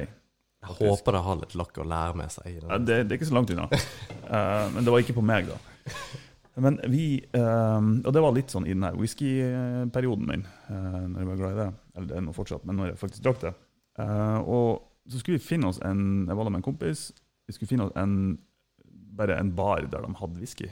Og ikke langt unna hotellet vårt så står det et stort skilt. Irish Bar. Og der, Seff, de har jo selvfølgelig whisky her. Eh, vi begynte å ane litt sånn mistanke. eh, fordi vakten utafor døren var litt sånn De var jævlig svære, men de, likevel så var de litt sånn litt feminin, kanskje. I hvert fall feminine trekk. og så, og så, men vi, vi gikk nå inn. Eh, vi hadde allerede drukket litt. Eh, gikk, der, um, gikk ned til den baren, og, og eh, hele, hele lokalet var et gammelt bankhvelv. Eh, Så du kom liksom inn og liksom en sånn tradisjonell sånn som du ser på film, en sånn bankhvelvdør, sånn rund eh, med, ja, med håndtak liksom, og hele greia. Svær, var sikkert to og en halv meter høy. Gikk inn, noen smårusene allerede. Eh, og så når vi kommer inn, så på en måte begynner det å ane oss litt grann at det, det er liksom ikke, det, det er ikke en normal bar, det her. Eh, der vi plutselig innså at ok, det er kun mannfolk her. Det er ingen kvinnfolk i det hele tatt. Og alle er så er det, Hva er det politisk korrekte ordet å bruke? Nei Mørkhuda, er det det? Det var- Tror du ikke det var det du skulle si? Jo, jo, men det var det, var det jeg skulle si. Ja, jeg sier nå det. Jeg tror det er politisk korrekt. Uh, så det var kun mørkhuda mannfolk der, og det var jo da en gaybar. Det sto ingen plass at det var det. Hvordan i alle dager skal folk vite det når de kommer til en sånn plass? Og da kom Jeg ville bare ha en whisky, liksom. ja, Og da kom Twinken Martin inn og Ja, det, Kanskje det sto en liten notis på, på døra. Sånn, Under jeg. new ownership. ja. Vi snakka faktisk om det, jeg og kompisen min. bare Var det noe jeg gikk glipp av liksom, før vi gikk inn? Eller er det noe, vi, er det noe sånn her secret signs liksom, så vi burde ha skjønt hva det var for noe? Men eh, nei. eh, Men Sto det Irish. Ja, ja! Irish bar. ja. Men alle har en sånn historie. Ja, vi, ja, Ja, det, det er litt funny. så ja. Det var, det var min historie, liksom. Men altså, de- den der lakk og lær-greia, den ble jo bare tatt videre inn i musikken. Den gikk jo, altså, I da death metal så er jo den ekstrem. Jeg vet ikke om den er nå lenger, men det var iallfall det før. Mest i, i black metal, eh, Ja. med sånne her, eh, altså, Ja. 40 cm lange pigger på armene. Ja, ja, ja, ja. Jeg skjønner ikke at de forteller å spille og ikke er redd for å komme borti hverandre på scenen. og Ja, sånt. ja, ja. Men eh, ja, det, det har jo tatt helt av. Men det er jo det som er med ekstrem musikk, da, at uh, hele uttrykket for noen skal være ekstremt. For hvor mye har showmanship i musikk egentlig å si? Uh, det kan ha veldig mye å si. Mm. Uh, det spørs litt på hva slags artist man er, tror jeg. Uh, eh, har dere hørt på et band som heter Opeth? Ja. Ja.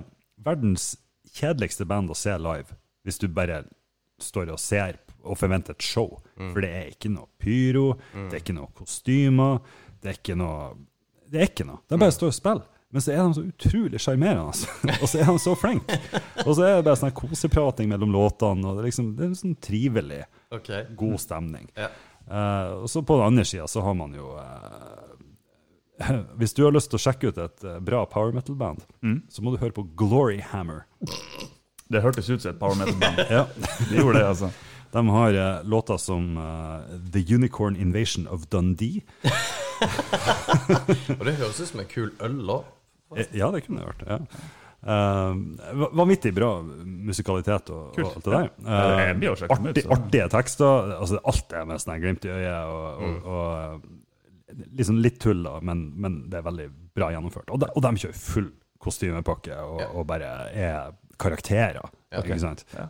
Eh, det er veldig artig. Men det var jo Kiss òg. Det var jo Ja, ja, Ikke sant? Og- Noen vil jo se du har begge delene der, da. Ja, ja, ja selvfølgelig. Um, og Motley Crew var jo forsovet veldig mye det òg. det var egentlig Mick Marr som var den som var den ekte, ekte musikeren. Altså, Ja, definitivt. Ja. Jeg, jeg husker um, når um, Det her er jo mest for Mo-publikummet vårt. Uh, uh, hva heter den festivalen? Uh, Vikafestivalen? Vikafestivalen, Ja, ja. Jo, selvfølgelig. Uh, da, det var på den tida jeg var fotograf. Mhm. uh, eller i oppstarten av min fotografkarriere. Uh, og det var Satyricon som spilte. Ja. Jeg var produsent for festivalen det året. Du var det, ja? OK, kult. Eh, så da sprang jeg foran scenen og tok bilder. Eh, og det jeg la merke til med Satyricon, de er, de er kanskje litt sånn midt på treet. De har jo litt makeup og kostyme, tror jeg. Um, Litt Ja. makeup, kanskje i hvert fall i svart. ja, Og- men det, det er ikke sånn super hardcore, det er det ikke. Nei. Føler jeg i hvert fall. Eh, det som var kult, det var at de begynte å spille. Uten å, eh, Jeg kan ikke huske at de snakka noe særlig i forkant. eller noe sånt. Spilte noen låter, og så skulle han liksom se hei til publikum. Så det gikk liksom ifra Og så bare Hei, alle sammen!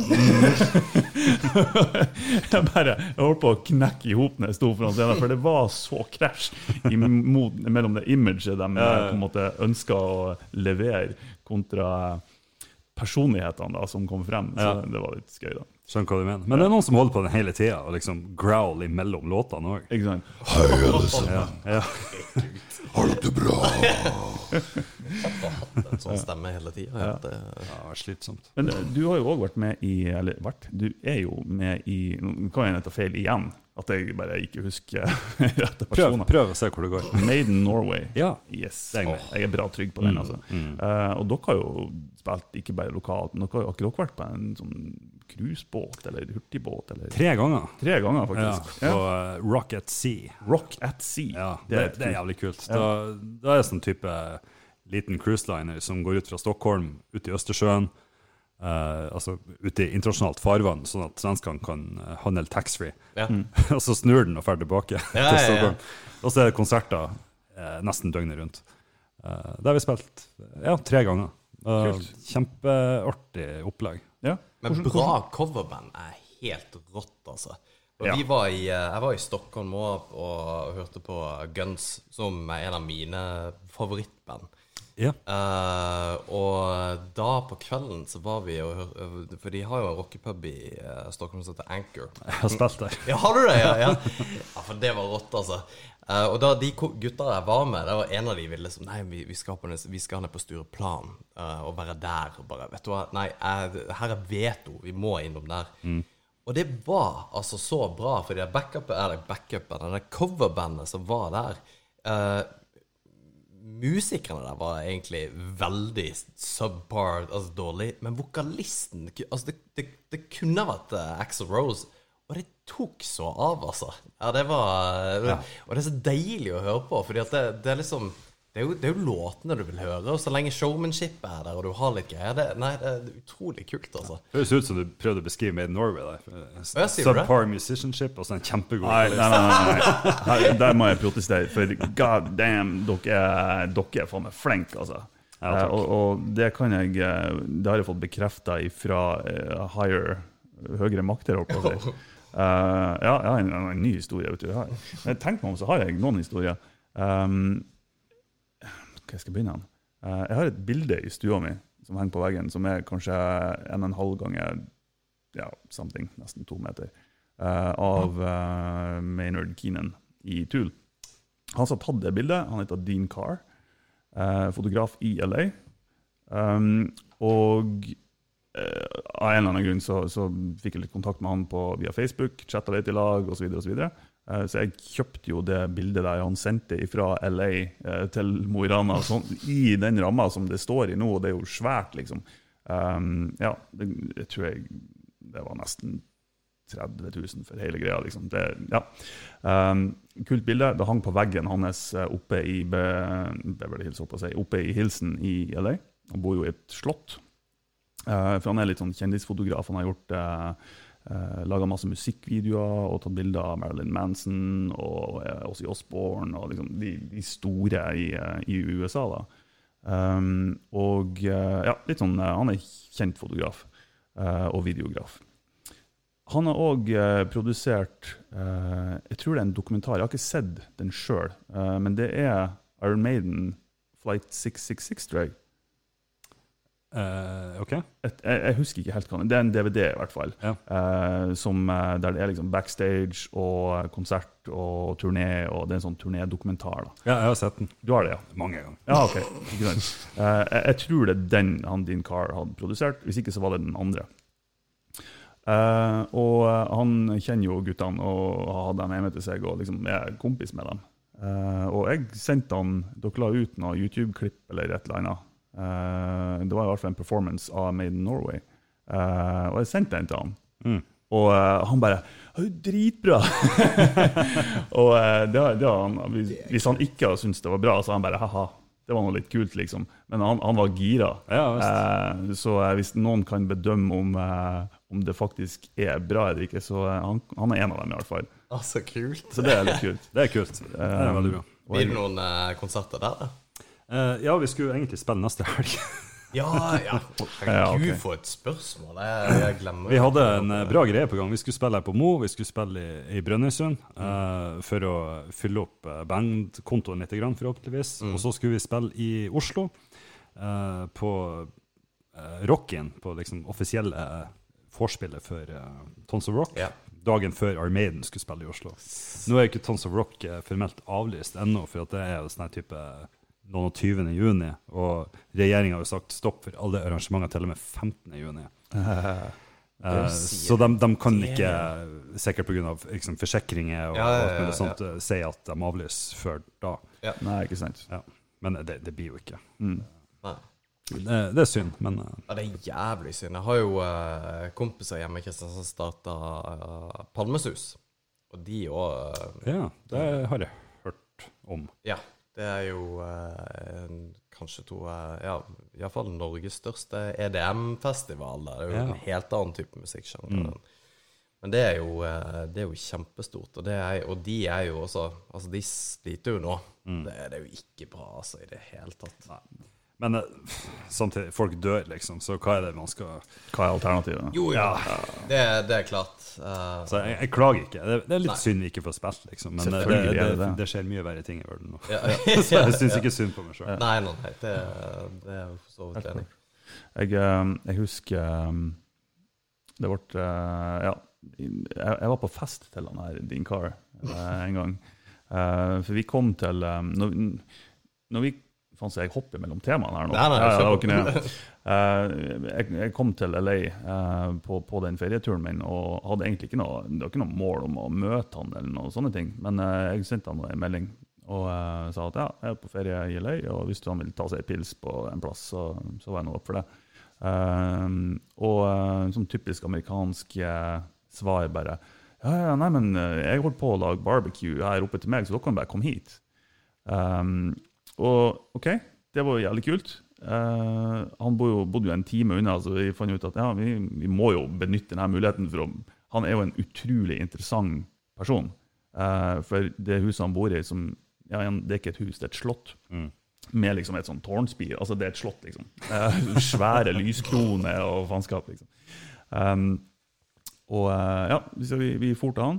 Eh, kommer til, til, det slottet hans da. Eh, kommer inn, han inviterer oss. og liksom Superhyggelig amerikansk eh, person og bare skikkelig ja, tilbyr på seg sjøl og, og, liksom viser oss rundt i huset hans. Og huset er jo da Det er jo et museum.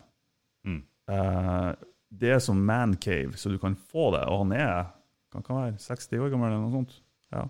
Um, men det, det er et museum med Du har krukker med sånn um, Hva heter den her bevaringsvæska? Uh, formaldehyde. Ja. Um, med små hundefoster.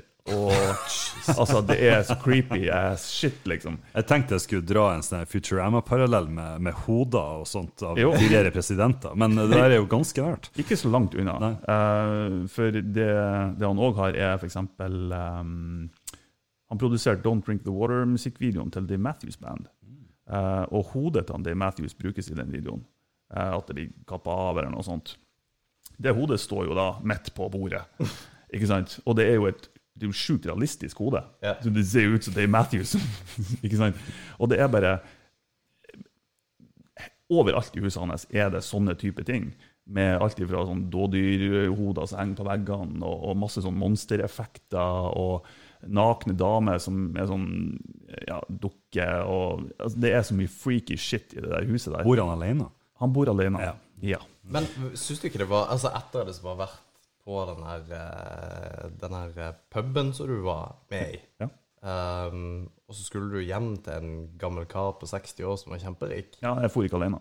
Nei, Nei riktig. Nei, Ja, det er jo bra. Han, han, er, han er en fantastisk eh, kul fyr, og Ja. i stua hans så har han to sånne her um, kulespill, sånne maskiner. Hva heter det? Pinball machines. Mm. eh, som lager masse lyd og lys. Kulespill. Whatever. Eh, men eh, de står liksom Og de står i stua og lager masse lyd og lys. Hvert minutt så bare skrur de seg på, og så bare ka-ching! Og så begynner du å spille noe heavy metal-musikk. ikke sant? Og eh, ja, vi, eh, vi, vi kom inn til han. Eh, det første vi ble servert, var whisky, selvfølgelig. Jeg hadde med ei flaske whisky til han. Bare sånn welcoming gift. Og så, når han skulle helle i whiskyen til meg, da var det ikke snakk om et lite glass whisky. Det var fylt opp whiskyglasset. Til randen. Begynte å tenke, altså. Det, det var starten, liksom. Og jeg tenker fy faen, det her blir ikke å gå bra i det hele tatt. Og, eh, men eh, vi drakk nå. eh, vi fikk servert mat, og alt var drithyggelig. Og bare en kul opplevelse generelt sett. Og han satt på gamle dokumentar-DVD-er som aldri var releasa. Eh, som de har vært og filma backstage på Slayer. og yes. eh, veldig, veldig mye kult, ikke sant? Eh, jeg har aldri vært så bakfull i mitt liv. Har du, vært, det? har du vært på noen konserter som du på en måte husker? eh, Altså F.eks. Slayer, eller altså Har du Ja, jeg har vært på, liksom vært på en del. din? Jeg, jeg får jo eh, på Altså, min aller første konsertopplevelse, det var faktisk rett nedi her, på eh, eh, Hva det heter Sirkus uh, Midgard, Ok. heter det. Da, da var det en sånn eh, Circus Arnardo eller noe sånt. ja. Det var en, en norgesturné med, med noen band, blant annet jeg tror det var Ole Paus, eh, Bel Canto og DumDum Boys og Brothers fra Brønnøysund. Ja, ja. Det er jo kjente navn i metal-verden. Ja, da, så det var den første greia jeg kan huske at jeg for på med skinnjakka mi, liksom. Og eh, jeg, jeg, jeg kan ikke ha vært mer enn jeg vet ikke, 13, eh, eller noe sånt. Kanskje, kanskje enda yngre. Men uh, det syns jeg var veldig gøy. Det var jo en, en forholdsvis stor produksjon i et sånn type sirkustelt. Uh, og så for jeg på Roskilde som 16-åring. Ja. Uh, og det var jo en helt vanvittig opplevelse for en eh, ung mann å, å få se så mye musikk over så kort tid. Ja, ja, ja, selvfølgelig. Så det var utrolig mye inntrykk å, å observere. Men uh, der fikk jeg på en måte gjort unna en del. Sett masse store ting. Jeg, har sett, jeg så Black Sabbath i 98. Eh, jeg, jeg så Slayer flere ganger rundt uh, millenniumsskiftet. Og, men det jeg husker aller best, må ha vært den første Iron Maiden-konserten min i eh, år 2000. Da sto jeg i timevis. De skulle spille på Oransjescena, den største scenen på Roskilde. Sto i timevis for å få være fremst. Uh, jeg drakk ikke en dråpe hele dagen, for jeg ville liksom være helt sånn her clear. ja, ja. Og, uh, Da vet du du er dedikert. liksom. ja, så jeg sto, jeg sto ikke helt sånn i midten fremme da. Uh, og det var et bevisst valg, for der er det en del trengsel som vi jo fikk bevist. Uh, Ja. Sjekka du hvor lydbildet var best? hen, og sånne ting? Nei, det var ikke, det, det var ikke relevant. Eh, så jeg sto sånn litt sånn til høyre, da, fremst. Og sto der i mange mange timer, og fikk vann av de vaktene der og holdt meg i live sånn. Og så bare braka det løs. De var jo sist på kvelden. Og, ikke sant? Det var helt vanvittig show. Ja, og det husker du ennå? Ja, jeg liksom, husker det ennå. Ja, ja. ja. Og uh, det finnes jo bootlegs av den konserten. Jeg har den på vinyl, faktisk. Oh. uh, uh, og så slapp de jo en live-DVD fra Rock in Rio, som den samme turneen som de gjorde da. Så jeg fikk jo på en måte Hver gang jeg ser Rock in Rio, så er jeg tilbake på Roskilde. Ah, så rått kult. Så det, det er veldig kult. Jeg pratet med en svigerfar eh, her forleden, og- vi satt og drakk whisky for øvrig. Han var på besøk her. Så spør jeg liksom, ja, hva er det du har hørt som du på en måte ja, tenker at det der eh, var jeg fornøyd med å få? Så, nei, det var Jimmy Hendrix. Jeg bare? ja, Yes, ja. Så han har fått med seg Jimmy Hendrix i Stockholm eller et Jeg husker ikke hvor det var. Men altså, det må jo være helt sjukt. Altså Nirvana, tenk å ha sett det, liksom. Herregud, ja. Men når du står der og du ser Jimi Hendrix, så du vet jo ikke at han er en legende ennå. Nei, nei, selvfølgelig ikke. Men han var jo en sånn. god, en, altså en god musiker. Da. Ja, for alle. Ja, ja, ja. Jeg, eh, I'm not knocking him at all. Nei, nei. Det er bare sånn, jeg bare kunne tenke meg til at de fleste som så han da, han var sikkert en ekstrem sånn kuriositet. Ja, ikke ja, sant? ja. Og så, eh, etter hans død, er det jo at han har blitt veldig sånn forguda. Da. For jeg er òg veldig fornøyd med å ha sett, eh, mm, sett uh, Sabbath, har liksom sett. Og det er jeg utrolig fornøyd med. Eh, og det var originaloppsetninger òg, med um, Ayomi på gitar og liksom hele det Vanvittig moro. Men jeg har også sett um, Jeg så Eminem i Faen, hva var det? Jeg tror i 2000. Eller 2001 eller noe sånt noe. Det var jo i storhetstida. Ja. og han sa i mange år, om han, jeg vet ikke om han sier det lenger, men han sa hvert i mange år at den konserten i Oslo var liksom det sykeste han noensinne har opplevd. Ok. Og det var liksom på storhetstida si fra USA, og det var jo under Holmlia-drapet eller noe sånt. Så det var en sånn vanvittig eh, Vanvittig liksom greie rundt det å dra på Eminem-konserter. Men det, det var faktisk en helt sinnssyk konsert. Altså, hele, det var jo hele Spektrum var jo tjåkfullt. 10 000 stykk. Ikke at det er så mange i forhold til ja, Metallica i, eh, i Russland. eh, Var, var det i eh, Moskva hvor det var 1,5 million til stede, eller noe sånt? da? Det er jo helt Det var det, ja. Ja. Anbefaler alle å se um, uh, han eh, Jeg håper å si Mitch Hedberg, men han Hetfield. Uh, James. James Hetfield. Han var på Rogan-podkasten og snakka om akkurat den konserten. Oh, ja, ja, stemmer det. Stemmer det. Ja. Så uh, det anbefaler jeg å Ja, det skal jeg få med seg. må jeg få med meg. Det, men det er jo et eller annet med konsertopplevelser og musikkopplevelser når du er der, og, som bare er helt ekstreme. Um, og så moro å få med seg. Uh, ja. Og, da- og da kan jeg tenke at stå på scenen må jo være helt sjukt.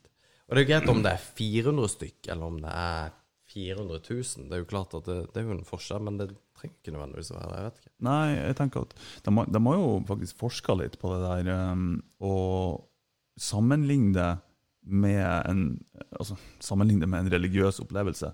Um, for du har jo de her uh, enkelte um, altså avhoppere av både kristendom og jeg tror andre ting òg. Der de har liksom Jeg husker ikke hva han heter, men de går liksom amok i, i kirka og liksom, eh, tar de tunge og, og Ja, ja, hele gospel-greiene. Ja, og, ehm, og eh, de sier jo at det er liksom litt av de samme funksjonene i hjernen som trigges Ja, det er av det. de opplevelsene der. Ja. Det, jeg tror det har veldig mye med den her eh, stammefølelsen som vi som mennesker Ja. egentlig ikke har lenger. Nei. Eh, vi, vi, vi søkte den i andre ting. Vi søkte den i religion, vi søkte den i fotballkamper, og vi søkte den på store konserter. Og, og den der følelsen av å liksom være en del av noe større, den, den, den er jo noe programmert inni oss. Ja. DNA-et. Og det, det er artig at du nevner det, for det er jo noe vi snakka om, eh, om det var første eller andre episoden, eh, om akkurat det der at vi, vi har jo et behov for å tilhøre noen, eller noe. Eh, og vi har en, et sterkt behov for det òg. Mm. Eh, og, og jeg tenker at Jeg tror at For, for i, den forbindelse så snakker vi om politikk og fotballag. og liksom det, Du er villig til å fire egentlig på en del ting, så lenge du får lov å tilhøre i gruppa Mm. Så lenge du tilhører i gruppa så kan du liksom, selv om det kanskje bryter med din egen både etikk og moral, og, og sånne ting, så du er villig til å fire på det, men du får den her tilhørighetsfølelsen, og jeg tror den er jævlig viktig for folk. altså. Det, det tror jeg. Jeg mener jo også, nå, nå hopper jeg jo til noe helt annet igjen, men Men Før du gjør det, kan jeg bare få fortelle en liten anekdote? selvfølgelig. Eh, Jeg var i et bryllup en gang mm. uh, i Latvia, og så skjønte jeg ingenting av det de sa, for de snakka jo latvisk. Eh, Så jeg sitter der på en benk omringa av latviere og hører på presten som snakker. Og så sier han et eller annet, og så plutselig så røys alle seg opp, og så begynner de å tale i tunge rundt meg. det, Oh my var sprøtt. God. det var sprøtt. Jeg har aldri liksom At det var sprøtt, ja. Det. ja, altså, for, for, jeg ante jo ikke at det skulle skje. Jeg fikk ikke noe varsel. Jeg, jeg, hadde jeg kunnet språket, så hadde jeg jo hatt en slags varsel. Men liksom, kunne du også plutselig bare alle sammen, og så ikke jeg. ikke sant? Det var utrolig rart. Jeg ser faktisk for meg Jon Erik bare sitter bare Ja, men hva var det for noe? Var det bare fordi man gjorde det, eller? Hva, hva sa de? Det er jo en, en del av den eh, kristne grenen, da. De taler i tunge. Herre fred, Jeg altså. lurer på hva som står på programmet. liksom, ok, bla bla bla, Først den salmen, bla bla bla. tall i tunge. ja, ja, men det, det er jo sånn. Fy faen. Ja, ja. Nei, det var god stemning å være på kristent bryllup, da. Du ble ikke uglesett, da? Du ble sikkert. ja. Hadde Eller, den eh, men jeg forsto ikke hva han sa. Nei, hva faen? Det var ikke det du brydde deg så mye om, nei. Wolf Brigade har du på deg. Ja. Er det òg et band? Det er et uh, britisk uh, D-beat-band. D-beat uh, Den der beaten okay. der, Ja. som bandet Discharge gjorde uh, populær på 80-tallet. Sånn uh, punk-greie. ja, ja, riktig. Så det er skikkelig 1, 2, 3, 4 Ok. Det minner meg nesten litt om punk. Det er liksom det jeg Ja, det er veldig punk, Ja, okay, med, punk med metal-lyd, Ja. kan du vel egentlig si. Tøft. Ja. Du, eh, vi snakka litt om um, turlister. Mm. Vi snakka ikke om den, vi nevnte det. Du snakka om det. Ja, jeg snakka om det. Jeg liker, jeg liker å snakke om tur. Uh, ref. bildet som henger på veggen. Ja. Eh, hva syns du om nyplata? Jeg vet du har hørt den. Du må ha hørt den. Jeg har hørt den eh, noen ganger, og, eh, men jeg, jeg har ikke hørt på det nok til at jeg egentlig kan eh, isolere låter og si akkurat den er bedre enn den, eller den sier noe spesielt til meg. Mm. Jeg hører på veldig mye musikk, Ja. men pga. min livssituasjon nå, så er det sjelden jeg setter meg ned og lytter så mye. Mm. Så det blir ofte gående i bakgrunnen med en toåring som driver og Ja. gjør noe annet. og, og sånt. Eh, men jeg har hørt på den, og den, og den er veldig bra, uh, for all del. De, de gir jo ikke ut dårlig musikk. Nei, de gjør ikke det. De gjør ikke det. Og uh, faktisk, jeg kjøpte meg nytt uh, stereoanlegg for eh, et par år siden. Eh, ordentlig forsterker og gode høyttalere og sånt. Og noe av det første jeg spilte på den, det var eh, Anima med, med Tool. da. Kult. Ja, for den, det er jo sånn referanselydplate for meg. Ja. Det er bassriffer Ja. Det er greiene. Jeg husker 46 and 2 er det den heter. 46, ja, ja. Eh, ja. Og bare crank it up. Uh, Ja, er, er. De har en veldig spesiell sound, egentlig. Uh, Ja. Ganske lik sound gjennom platen, syns jeg. Men de har jo òg en, uh, en beat som er litt spesiell. Han uh, Carrie, Danny Carrie. mm. Eh, hva er det den beaten heter? Det er noe sånn her polyfonisk et eller annet. Polyrytmikk. Polyrytmikk. Ja. ja. det- altså det betyr egentlig bare Poly betyr jo Flere, flere, og rytmikk er jo eh, rytmikk. Så eh, det betyr at, at eh, lemmene dine egentlig følger forskjellige takter Ja. uh, samtidig, og så kommer det til et punkt hvor de møtes igjen. Det er Så det er liksom sant? Der, der gjør den her hånda bare Ja. Mens den her Det er en veldig enkel polyrytme, da. Men jeg gjør to forskjellige ting med Nå skulle han Ja, sånn, Og så gjør, ja. du- kan du gjøre det med begge føttene også. Ja, ikke sant? Og så kan du bytte på hva du gjør med dem, og Ja, da har du plutselig et virvar av Ja. eh, Ja, ting som foregår. Jeg så eh, når de spilte eh, Numa eh, live på konsert, da var det sånn her eh, drumcam av Danny Carey. Mm. Og det ser ut som han har en hjerne per kroppsdel. ja, For ja. Alle fire lemmene gjør noe helt forskjellig i forskjellige rytmer, og så møtes de igjen, og så jobber han seg ut, og så møtes de igjen. Jeg er så fascinert over Han eh, tenker jo også veldig matematisk på ting, og, og eh, så vidt jeg har skjønt, så er han veldig sånn spirituell fyr da, som, okay. Som tenker mye. Ja. og, eh, Jeg tror hele gruppa er det, egentlig. ja, det, det tror jeg òg. Ja, Mye men, av musikken deres er òg Men det skinner mest igjennom på trommen, da. Eh, mye mer der enn på gitarene. Ja. Så, den. Eh, Jeg tror eh, altså, Mye av musikken deres generelt sett er jo bygd opp på altså, um, i matematikk, den her Hva heter de her uh, formlene? Faen. ja, Fi- Fibonacci Ja, Fibonacci-sekvensene og, og sånne ting. Så det, det, de er jo inspirert av det. da, Ja. Det er litt kult. Hva er planen din fremover nå i disse koronakriser med å starte ja, pub eh, tar og venter litt på seg, og Ja, puben får vente. vent. Går det Eh, bra med dere i eh, ølbryggeriet, da? Ja, altså, vi, vi er nå i live. Ja. Eh, vi, eh, vi holder gående. Vi, jeg tror det redder oss at vi har fått et eget utsalg. Ja. Eh, for da Terskelen er kanskje litt lavere for folk å kjøpe eh, med seg litt mer enn det er i en dagligvarebutikk. Eh, og så kan vi jo òg tilby litt sånn eh, ting vi ikke har nødvendigvis lyst til å pushe ut til dagligvare ennå. Mm. Ikke sant? En liten batch med Test. det ene eller det andre. Test, For eksempel de her lærlingene som jeg ser du Ja. har eh, konsumert Ja. uh, i hvert fall to av. I hvert fall, i hvert fall to. I hvert fall to. Mm. Uh, de, de er foreløpig bare til salgs hos oss. Mm. Okay.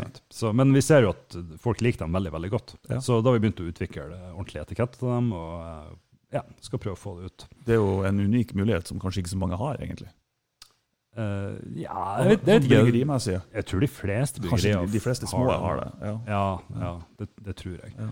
Eh, Hva, som, hva som ligger eh, i bakgrunnen for eller, Hva er årsaken til de navnene? Lærling fra Voss, lærling fra Oslo. Hvor kommer de fra? Ja, altså Lærling er fordi at vi, vi bygger et slags hierarki her med uh, Pale Ale IPA-serien vår, Ja. hvor lærlingen er på en måte den av lavest rang. Okay. Ja. Så det er en vanlig Pale Ale. Mm. Uh, over der så har du en operatør, og det er den Session IPA-en. Og så kommer vi med en sterkere IPA, som vi ikke kommer til å få lov til å selge i vår butikk, men som vi kan skjenke til gjester når vi får skjenkebevilling. Okay. Og vi kan selge den til Vinmonopolet, og vi kan selge den til uh, uteplasser og restauranter. Uh, og den blir jo å ha en, en høyere tittel enn operatør, da. Ja, ja. Og så kanskje enda en over der igjen. Ikke sant? Så det, går- det henger i hop med alkoholstyrken. Og Når kommer sjefen, liksom? ja, sjefen er jo Det neste blir bas.